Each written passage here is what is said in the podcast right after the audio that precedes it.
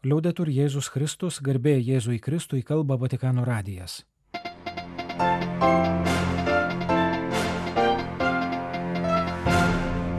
Malonus klausytojai šioje programoje. Sekmadienį popiežius kalbėjo apie tai, kodėl ir ką švenčiame per viešpaties žengimo į dangų iškilmę, kvietė nesusitaikyti su karu, sveikino žurnalistus, priminė ekologinę savaitę. Nacijų nužudytas kunigas pripažintas kankiniu, Ukrainos religiniai lyderiai remia tarptautinį tribunolą Rusijos nusikaltimams teisti. Nikaragvoje toliau represuojamos katalikų institucijos. Kretingos Klarysių sukaktis ir kitos naujienos iš Lietuvos.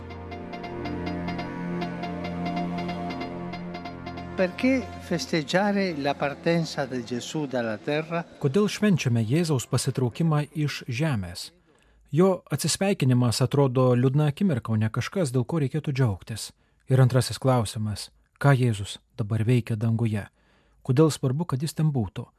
Gegužės 20 dienos vidudienio maldo susitikime klausė popiežius komentuodamas įvairiuose kraštuose švenčiamos Kristaus žengimo į dangų iškelmes arba šeštinių prasme. Perché festeggiamo? Kodėl švenčiame? Perché con l'ascensione è accaduta una cosa nuova e bellissima. Nes Jėzui žengiant į dangų įvyko kažkas nauja ir itin gražaus. Jėzus nunešė mūsų žmogiškumą į dangų, kitaip tariant, į patį Dievą. Tas žmogiškumas, kurį jis prieėmė žemėje, neliko čia, bet įžengė į Dievą ir bus ten amžinai. Galima sakyti, kad nuo žengimo į dangų dienos pats Dievas pasikeitė. Nebėra vien dvasia, bet mylėdamas mus priemė į save mūsų kūną, mūsų žmogiškumą. Nuostabi žinia tas, kuris dėl mūsų tapo žmogumi, kad padarytų mus savo broliais, tėvui pristato save kaip žmogų, kad pasiimtų su savimi visus, kurie su juo susivienijo. Citavo popiežius vieną iš senųjų tikėjimo mokytojų, šventąjį Grigalių Nisietį. Tai švenčiame šiandien - dangaus užkariavimą. Jėzus grįžta pas tėvą ir atsineša mūsų žmogiškumą. Tokiu būdu dangus jau dabar yra šiek tiek mūsų. Jėzus atvėrė duris ir jo kūnas jau ten. Antrasis klausimas, ką Jėzus veikia danguje. Jis užstoja, užtaria mus tėvo akivaizdoje.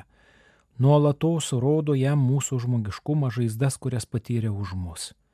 Pasak popiežiaus jam patinka įsivaizduoti, kad Jėzus rodo tėvui savo žaizdas gautas dėl žmonių ir sako, daryk kažką, rodo jam persikelimo kainą, o tėvas susigaudina.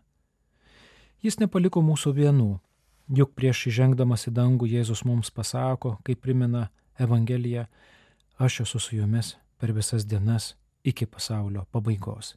Jis visada su mumis, jis amžinai gyvas, kad užtartų mus. Trumpai tariant, viešpats užtaria ir kad mūsų užtartų yra pačioje geriausioje vietoje - savo ir mūsų tėvo akivaizdoje. Užtarimas yra labai svarbus dalykas. Ir jei žinome, kad kažkas tėvo akivaizdoje mūsų užtarė, mums tai leidžia išsaugoti viltį, neprarasti drąsą. Tegul dangaus karalienė padeda mums užtarti kitus maldos gale. Meldė popiežius Pranciškus. Regina Celi letari, alleluja. Po sekmadienio vidudienio dangaus karalienės maldos popiežius ragino nesusitaikyti su karu, pakvietė paploti žurnalistams, priminė laudatus į savaitę. Anot Pranciškos labai gaila, kad prieš mėnesį Sudane sprogusi prievarta vis dar tęsiasi. Pranciškus paragino sudaniečius dėrėtis be ginklų, tarptautinę bendruomenę visais turimais būdais remti dialogą. Per favore, non abituiamoci ai conflitti e alle violenze. Labai prašau, nepripraskime prie konfliktų ir smurto, nepripraskime prie karo. E. Palaikykime toliau kankinamą Ukrainos tautą, kvietė popiežius. Jis priminė gegužės 21-ąją minėtą pasaulinę socialinių komunikacijų dieną, kurios tema - kalbėti širdimi. Atvira komunikacija prasideda širdyje. Popiežius padėkojo žurnalistams už darbą, tarnaujantį tiesai ir bendrajam gėriui, kvietė visus susitikimo Šventojo Petro aikštėje dalyvius jiems paploti.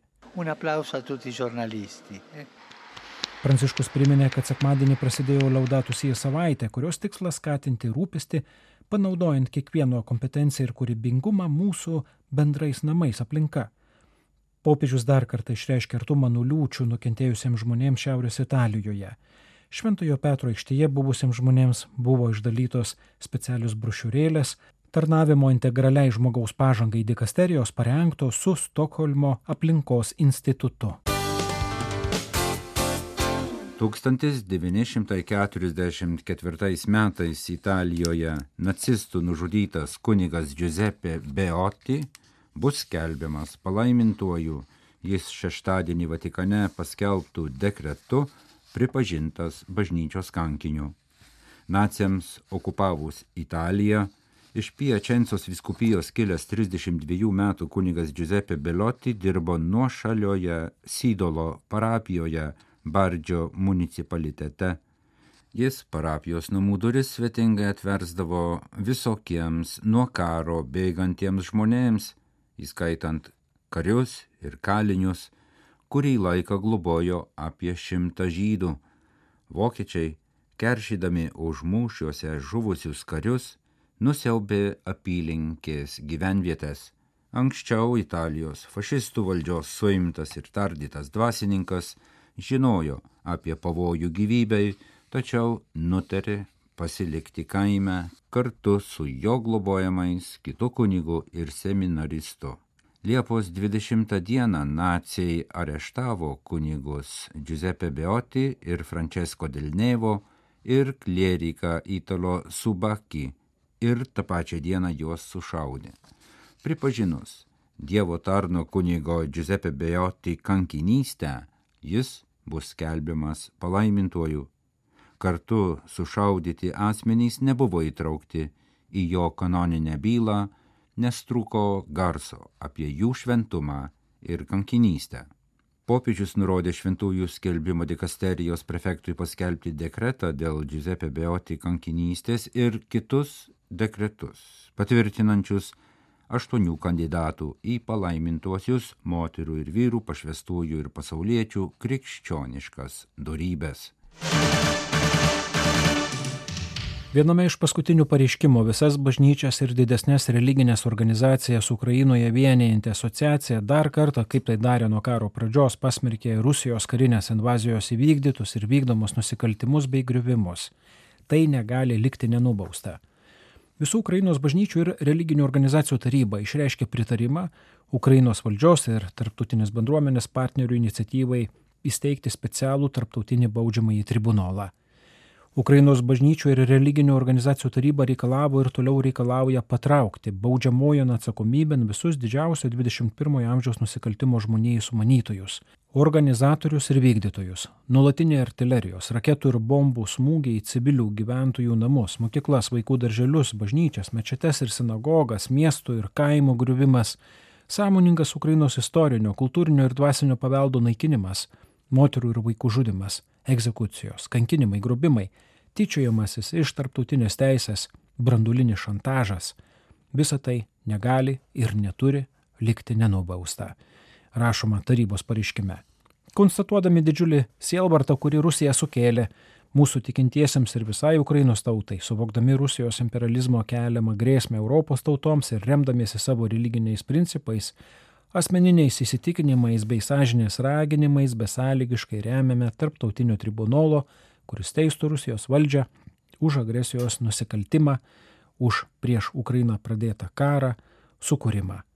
Pasisakome už greitą tarptautinių tribunolų, kuri remia valstybės lyderės, įsteigimą ir darbo pradėjimą, bei agresyvų karą prieš Ukrainą pradėjusių asmenų nubaudimą, priduriama komunikate, kuriame taip pat dar kartą primenama deportuotų ukrainiečių vaikų ir jų sugražinimo problema, remiamos tarptautinio baudžiamojo teismo iniciatyvos, o tarptautinė bendruomenė kviečiama paremti ir kompensacijos mechanizmą, skirtą Rusijos padarytai žalai Ukrainos valstybė ir visuomenė atlyginti. Šiomis dienomis pranešta, kad Nikaragvoje uždaromas nekaltojo prasidėjimo katalikiškas universitetas, kurio centrinė būstinė buvo šalies sostinėje Managvoje. Toliau tęsiasi marksistinio Danieliaus Ortegos režimo vykdomas visų pilietinio gyvenimo formų, įskaitant krikščioniškas lupinimas. Oficialiame Nikaragvos vyriausybinėme leidinėje nurodoma, kad užregistruotas ir patvirtintas savanoriškas organizacijos uždarimas. Per pastaruosius du ar tris metus savanoriškai veiklą nutraukė šimtai Nikaragvos nevyriausybinių organizacijų, asociacijų ir draugijų. Tarp jų kelių viskupijų karitas organizacijos, įvairios ligonių ir švietimo asociacijos, verslus ar verslininkus vienijusios draugijos, interneto žinių svetainės. Nekaltojo prasidėjimo katalikiškas universitetas tapo 17-ųjų privačiu universitetu, užsidariusiu per mažiau nei du metus. Valdžia pabrėžia, kad tai savanoriški veiksmai, bet žinoma, tai tik patogi priedanga prievartiniam mechanizmui, kurio naudojasi režimas. Jei organizacija uždaroma valstybės sprendimu, tada valstybėje automatiškai atitenka visas organizacijos turtas ar nusavybė, nuo patalpų iki lėšų sąskaitoje, Tuo tarpu savanoriško uždarimo formulė bent kol kas leidžia savininkams išsaugoti turtą. Žinodamas, kad teismai ir policija yra visiškai palinkti dėl ilgamečio diktatoriaus Danieliaus Ortegos režimui ir jau yra susidoroję, pasitelkę sufabrikuotus kaltinimus ar faktus su tais, kurie jam priešinosi ar kritikavo, pilietinės visuomenės organizacijos yra įvarytos į kampą. Už savanoriško uždarimo neslypi joks laisvas pasirinkimas. Jo alternatyva tai yra priverstinis uždarimas ir visko netikimas. Galima priminti, kad 2022 kovą valdžia išsiuntė paštališkai nuncijų arkivyskupą Valdemarą Stanislavą Somertagą, nurodė išvykti šalyje dirbusiems misionieriams, įskaitant Kalkutos motinos Teresės įkurtos artimo meilės seserų kongregacijos nares, kurios nedarė nieko kito kaip tik rūpinosi pačiais neturtingiausiais. Šių metų pradžioje 26 metams nuteistas Matagalpos vyskupas Rolandas Alvaresas, taip pat vien už tai, kad kritikavo režimo pažeidimus, įskaitant religijos laisvės pažeidimus.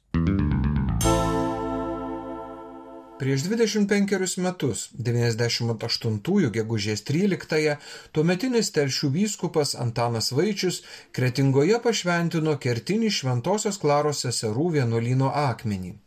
Pirmasis ir vienintelis Clarisių vienuolynas Lietuvoje 25 metų įsikūrimo sukakti paminėjo praėjusį savaitgalį drauge su bendruomenė aplankiusiais svečiais - mažesniųjų brolių ordino Lietuvos Šventojo Kazimiero provincijos ministru broliu Evaldu Darliu, telšių vyskupu Algirdu Jurevičiumi bei pranciškonais pasauliečiais. Jubiliejaus proga internetinėje Lietuvos pasauliečių pranciškonų ordino svetainėje OFSLT skelbiamas straipsnis, kuriame paminimos Klarisių įsikūrimo aplinkybės, aptariamas jų gyvenimo būdas ir reikšmė vietos bažnyčiai. Čia rašoma, Kalbant apie šventosios Klaros aktualumą šiandien, verta prisiminti pamatines Klarisėms būdingo kontemplatyvaus gyvenimo vertybės tylą, dėmesingą klausimąsi, pašaukimą į vidinį gyvenimą, pastovumą. Seserys įsitikinusios, kad prie greitų pokyčių pripratusiai visuomeniai būtinas tam tikras pastovumas. Nuolat skubantis žmogus nori sugrįžti ten, kur galėtų nurimti, pasijusti reikalingas. Vienuolino kertinio akmens pašventinimo dieną motina magistrė Margarita Pelicari kalbėjo, Kretingoje įsikūrus Šventojios Klaros seserims niekas nebeturėtų jaustis vienišas, nes, nors ir būdamos tyliai pasislėpusios, savo širdyje ir gyvenime trokštame būti visiems artimos seserys. Straipsnėje taip pat paaiškinama, kad klarisių veiklos pobūdį lemia vietos bažnyčios poreikiai. Kretingoje gyvenančios seserys kepa komunikantus, gamina rožinius, siuva ir siuvinėja. Klarisės gyvena iš savo rankų darbo ir Dievo malonės, kuri pasireiškia per geradarius.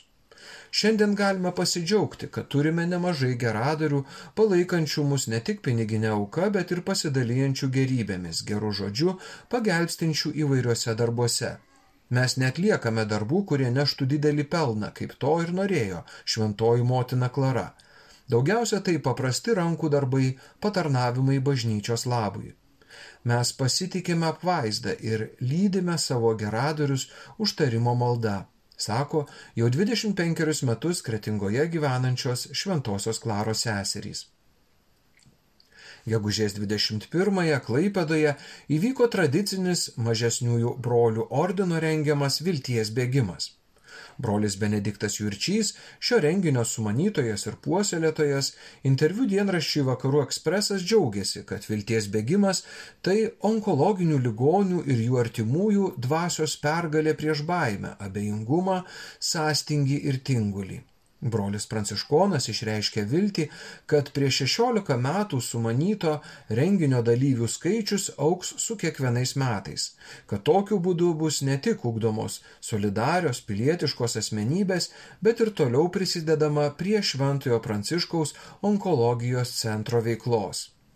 Vilties bėgimo proga straipsnis pasirodė ir dienraštyje Bernardinai LT. Jame Sauliano Žiugždaitės kalbinamas brolis Benediktas Šventojo Pranciškaus onkologijos centrą palygino su kepenimis. Jos valo sergančiuosius ir jų artimuosius nuo psichologinių ir pseudo religinių stereotipų, juos perdirba ir detoksikuoja visą, kas žemina žmogaus orumą. Mūsų kepenys yra sveikos. Mums būtų kur kas lengviau, nejustume sunkumo, jeigu Lietuvoje atsirastų daugiau tokių centrų, dovanojančių žmonėms viltį, paguodą, grožį, šviesą, džiaugsmą. Šis centras tapo savarankiškas ir atsakingas, jis nėra svetimas ligonėms ar atsiskyręs nuo visumos, priešingai atsiranda vis naujų terapijos žanrų, atrandame gilų išgyjimą Dievo meilėje.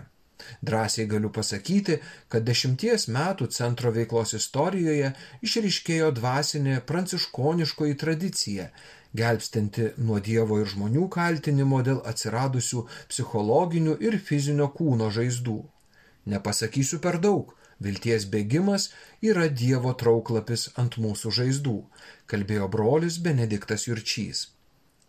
Centrinės Europos jėzuitų provincijos svetainė jėzuitai LT praneša apie gegužės 12-14 dienomis Šiluvoje vykusi krikščioniškojo gyvenimo bendruomenės narių ugdymo savaitgalį tema Mano ir mūsų ištikimybė pašaukimui. Rimos Bacevičianės straipsnėje rašoma, kad mokymams vadovavo sesuo Eucharistietė Marija Gudė ir tėvas jėzuitas Mindaugas Malinauskas. Sesuo Marija priminė, jog krikščionys turi ne vieną pašaukimą, tačiau svarbiausias iš jų pašaukimas į tobulumą per meilę. Tarp pagrindinių pašaukimui kylančių iššūkių ji minėjo sielos ligas, įdas ir tai, kaip jos viena kitą įtraukia. Dalyviai sužinojo, kokie yra gundimo anatomijos etapai ir kaip išlikti budriems, gebėti laiku ištarti ne. Tema išvelgti kelius vilčiai kalbėjęs tėvas Mindaugas priminė, kad Jėzus įsikūnyti gali tik per viltį. Ugdymo savaitgalio dalyviai mokėsi net ir sunkumuose, kančioje atpažinti prasme, ugdyti viltį, vengti murmėjimo.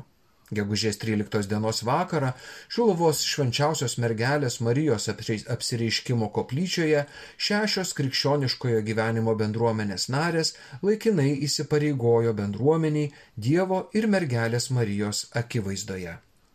Vatikano radijui Gedrius Tamaševičius iš Vilniaus.